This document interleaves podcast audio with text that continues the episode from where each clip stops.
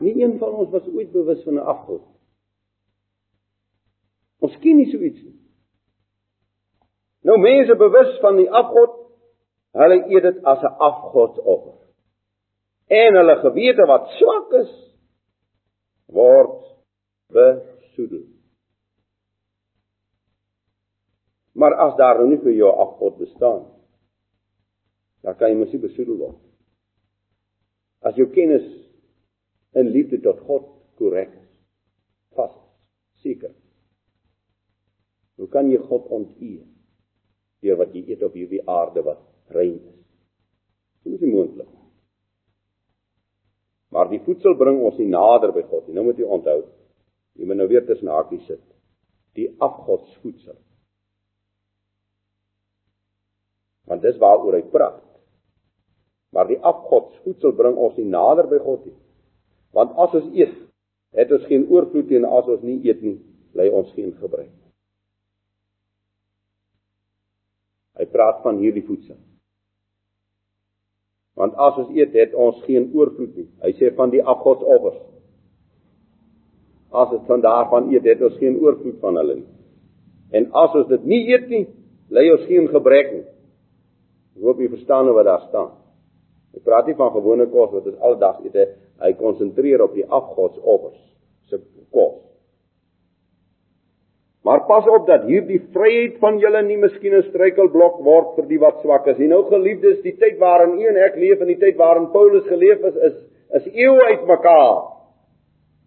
En in daardie tyd was die die heidendom, as ek dit so kan stel, die afgodsoffers rondom hulle geweldig baie nog.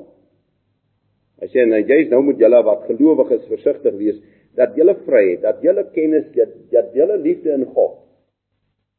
Dat hierdie heerlikheid wat julle het, dat dit nou nie miskien 'n struikelblok word vir die wat swak is. Dat julle die swak broeders van daardie tyd nog in ag neem. Nou as ons swak broeders in ons tyd het, dan moet ons hulle in ag neem. En ek wil dan hier sê, as daar 'n swak broeder is wat nog nie die kennis het nie, en meen dat hy afgodsoffers eet as hy 'n botter koop met 'n halal teken op, my vriend moenie daardie botter koop nie. Gaan koop ander botter. Moet dit koop. Moet dit nie eet nie, want jou gewete is nog swak en jy voel besoedel as jy dit eet.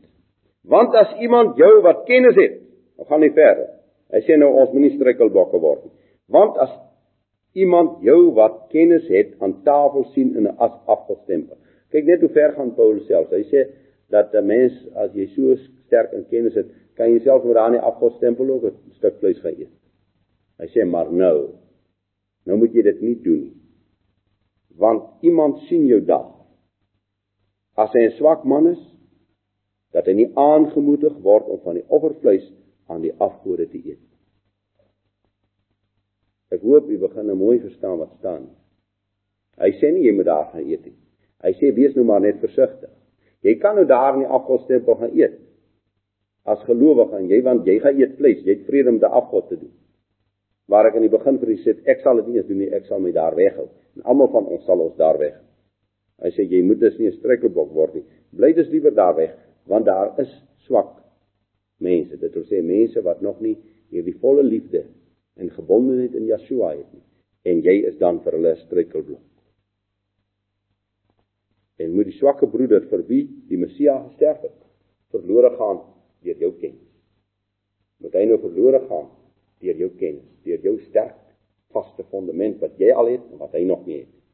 So daarom het hy begin om te sê die liefde die liefde is die is die kern van sy argument dat ons moet lief hê Maar deur so teen die broeders te sondig en hulle gewete wat swak is seer te maak, sondig julle teen die Messia. Pragtig wat Paulus hier sê, as jy dan jou broeder seer maak, dan sondig jy teen die Messia. En ek wil vir u sê, ek is baie eerlik vanaand as ek dit sê, ek het nie geweet. Ek het nie verwag dat toe ek so skerp gereageer het teen die leraar se preek dat ons onder onder onsself onder die Israeliete mense het wat nog glo daar is 'n afgod. Ek het regtig dit nie geweet. Ek het geglo almal het die kennis.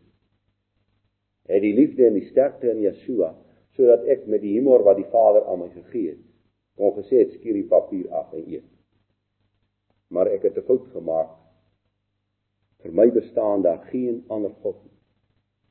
Maar ek moet nou ontdek het vir ander is daar nog. Lyk dit my 'n God wat hulle erken of glo daar is. En ek wil nie teen die broer sondig nie, waaragtig. Ek wil nie broer seermaak en teen hom sondig nie.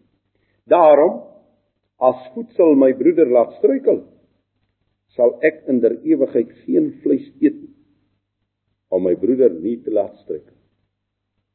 Nou gaan Paulus verder in sy liefde tot sy broeders? En dan sê hy as die broeders dan so swak is as hulle probleme het met die offer offervleis aan die afgode hy sê dan sal ek dit veragter nooit eet. Onthou weer hy praat van offervleis. Hy praat nie sommer net van vleis hierso nie. Hy praat weer van offervleis. Hoe kom ons kry dit daarom weer. Daarom as offervoedsel my broeder laat struikel sal ek in der ewigheid geen offervleis eet nie om my broeder nie te laat struikel. Moet dus in die hele gedeelte moet u die verband behou waaroor dit gaan. Geliefdes, ek wil tog met blydskap sê ek weet daar is baie moontlik die meeste wat deur die Vader se genade in u hart vanaand hierdie korrekte kennis het, hierdie vaste kennis het. Hierdie kennis in liefde tot God alleen.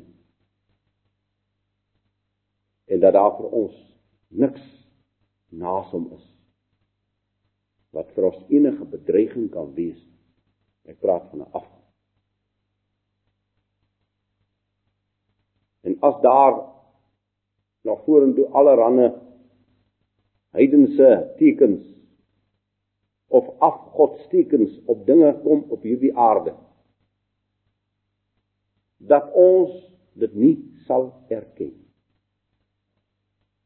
Ons mag dit nie erken as 'n God, daar's my God. Wat ek moet vrees of wat oor bekommerd moet wees dat hy my kan besoedel. Ons moet al sterker kom tot die vastigheid in Yeshua die Messie. Sodat niks ons enigins op ons pad kan ontstig of kan ontstel. En ek vertrou vanaand dat die broeders wat probleme het dat hulle werklik voor hulle koning en vader sal gaan kniel en dat hulle vir hulle helder en seker maak wat beteken wat Paulus sê